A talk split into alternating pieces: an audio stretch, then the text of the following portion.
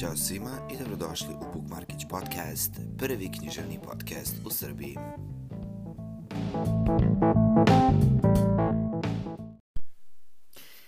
A, pozdrav svima i dobrodošli u četvrtu epizodu ovog malog podcasta.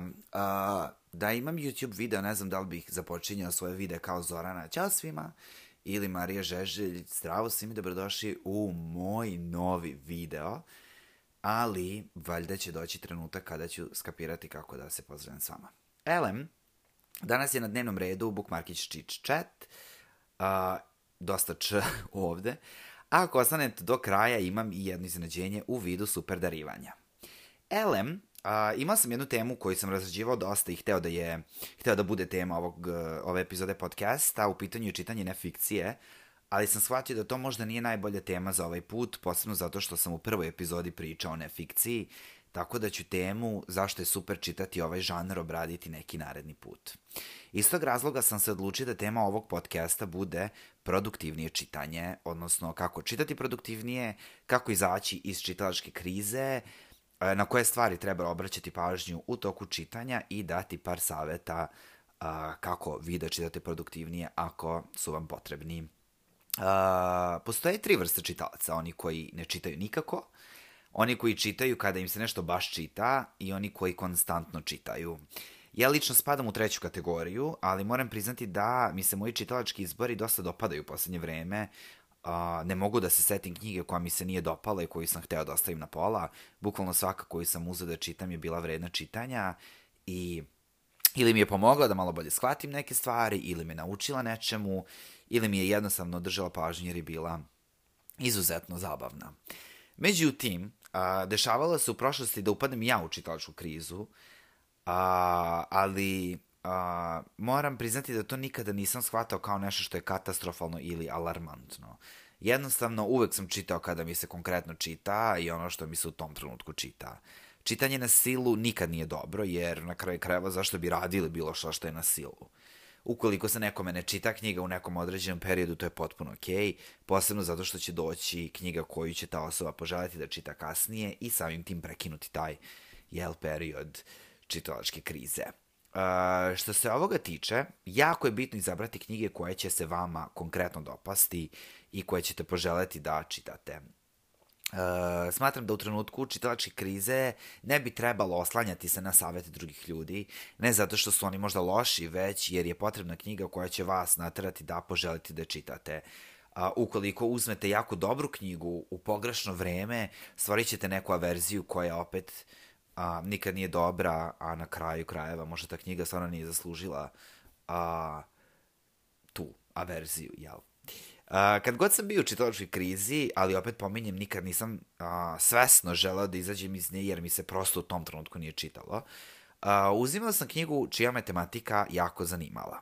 To se uglavnom poklapalo sa nekim filmom ili serijom koju sam gledao, ili nečim što sam čuo, i uglavnom su to bile istorijske knjige. Uh, iz ovog razloga mislim da je istorijska fikcija odlična za izlazak iz čitalačke krize, samo je bitno znati o kom periodu želite da čitate, da li je to francuski dvor ili engleskim, ili engleskim selima u 17. veku ili japanskim ratnicima, nebitno je.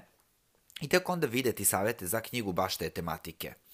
Što se tiče ove teme, moram da pomenem Rezedo Radu, koja je posvetila ceo YouTube a, video čitalačkoj krizi, tako da ako niste odgledali taj video, obavezno pogledajte na njenom a, YouTube kanalu, stvarno je super edukativan i a, možemo nešto čuti i naučiti jer nismo znali. A, oni što mnogi od vas, uključujući mene, imaju, to je TBR gomila knjiga, da li za naredni mesec ili dva godinu nebitno i koliko god to bilo ok imati, ona zna da načini naše čitanje prilično neproduktivnim.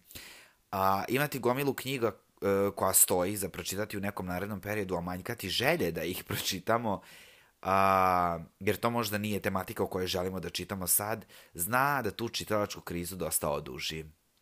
To je glavni razlog zašto bi TBR knjiga trebala da se menja konstantno, odnosno TBR lista knjiga trebala da se menja konstantno i da se updateuje novim knjigama koje želite da pročitate što pre.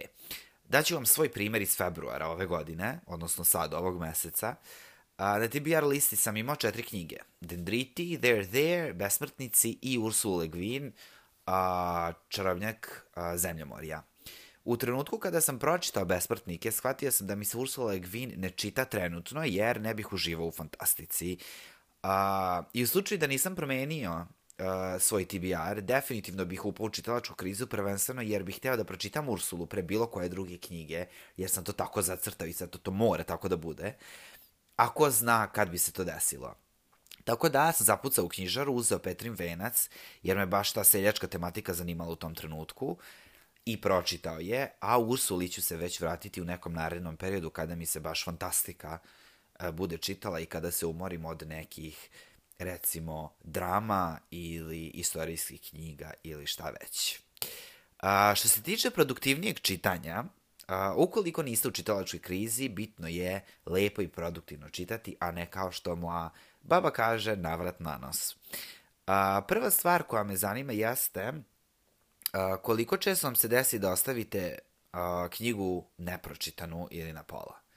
U nedelju sam sproveo anketu na Instagramu i rezultat je pokazao da 79% vas zapravo završe knjigu do samog kraja, čak i ako vam se a, nije dopala. Iako poštujem ovu odluku i često se desi da ja a, pročitam do kraja knjigu, moram da primetim da bih je verovatno ostavio na polu ukoliko mi ne leži a, tematika ili ako mi se ne sviđa stil a, pisanja. Što me dalje dovodi do zaključka da možda s obzirom da radim i jedno i drugo, možda ovo pitanje nije bilo uh, najpametnije pitanje za postaviti, ali nema veze.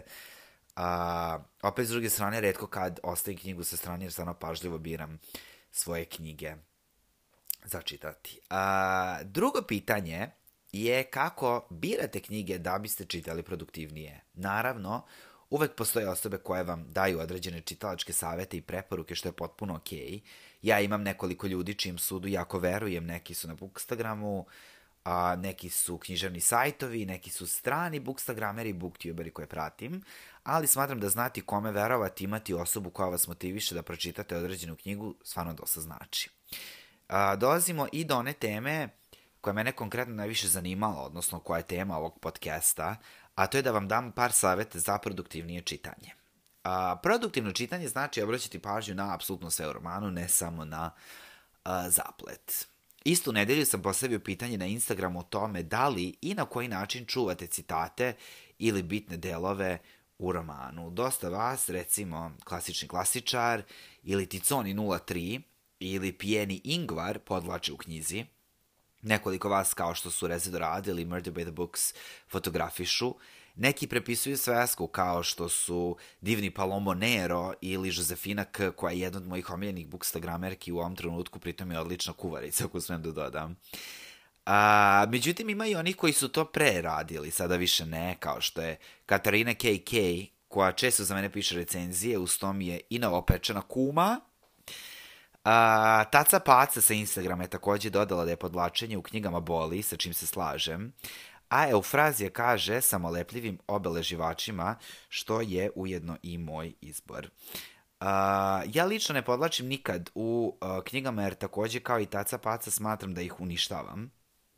Uh, već koristim one male strelice obeleživače koje uh, koju nalepim na citat, odnosno na deo knjige kome ću nekad poželeti da se vratim. Tako uvek znam na koju stranu da okrenem uh, i to za uvek stoji na toj knjizi a koju sam pročitao. To sam počeo da radim pre nekih šest meseci, do tad sam takođe fotkao, ali fotke znaju da se izgube. Mnogo mi je žao što su mi se recimo izgubile sve fotke dok sam čitao Little Life, jer postoje neverovatno de, e, neverovatni delovi rečenice, a opet uh, ne mogu da je ponovo pročitam, jer pod jedan jako je obimna, a pod dva emotivno je užasno teška, pa nije svaki moment pravi za uh, čitanje za čitanje te knjige.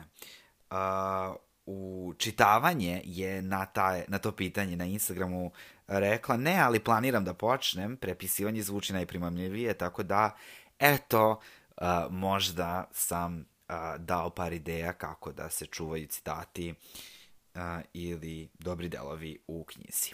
Uh, drugi savet koji imam uh, da dam je vreme koje provedemo u čitanju. Naime, Reze Dorade je u tom klipu o kom sam a, pričao rekla da svako ima vremena da čita i da svako ima 24 časa u danu, čak i Beyoncé, sa čim se apsolutno slažem. Svi mi možemo da pročitamo dve knjige mesečno, tako da slobodno prenesite, kao što i ja prenosim, svima koji ne čitaju jer nemaju vremena, nekako bi baš voleli da imaju toliko vremena da pročitaju bar jednu knjigu mesečno. Ja se bavim poslom profesora u privatnoj školi, meni radni dan počinje u 8 ujutru, završava se u 10 uveče, jer srednjoškolci moraju da dođu posle škole u pola 9. A, sa sve nekoliko pauza od sat i po gde zaista nemam vremena da čitam, već ih koristim za ručkove i stvari koje imam da završim. Ali opet, uvek čitam uveče, plus se družim sa prijateljima, plus gledam serije kao lud. Najbolja ideja ovde je nešto što se zove amiški sat, ne znam koliko ste upoznati sa tim. A, na kraju dana jako je bitno isključiti apsolutno sve elektronske naprave i TV i laptop i telefon i skoncentrisati se na nešto mirnije i drugačije, odnosno nešto što bi amiši radili. Ne samo da to utiče na san i na kožu lica, koje opet zavisi dosta od sna, već zaista noć je zaista odličan trenutak za čitanje. Svako ima vremena da pročita nekoliko stranica pre spavanja, A, to je nešto što zaista praktikujem, mada ako se zagledam u neku seriju, znam na kvarno da pustim još jednu epizodu dok me ne uspava, pa zato i često imam podočnjake, ali to je već a, moj problem. Treći savjet je čitanje audio knjiga u trenucima kada hodamo ili se vozimo prevozom. A, iako lično nisam fan ovog načinja čitanja, a ne zato što smatram da je loš, već meni lično ne odgovara, stvarno je super stvar slušati knjigu. A, dok sam recimo čitao knjigu Amy Poehler Yes Please, skinuo sam i audio verziju tako da sam u nekim trenucima čitao fizičku kopiju knjige, u drugim slušao uh, audio knjigu, što se ispostavilo kao super, jer način na koji Amy Poehler čita svoju knjigu je urnebesan i to svima preporučujem. Audio file za Yes Please može da se skine preko torrenta, nije legalno, ali šta nas briga, živimo u Srbiji, nije legalno ni da gej ljudi usvajaju decu, ali opet šaljemo sliku svetu da je premijerka Srbije dobila dete sa svojom partnerkom. Ovo je svakako tema koja me neverovatno ljuti, jer zašto ona može, a drugi ljudi ne mogu i kakav je to način. Tako da ne bih dalje da komentarišem, da se ne bih dodatno iznervirao. A, možda je ova epizoda podcasta bila malo šopska salata, odnosno od svega pomalo, ali nadam se da, sa, da vam se dopala, da ste čuli nešto što vam je interesantno, možda čak i korisno, da vam je odgovorila na neka pitanja koja ste imali i na kraju krajeva da vam nije bilo dosadno. Takođe imam da najavim jedan giveaway.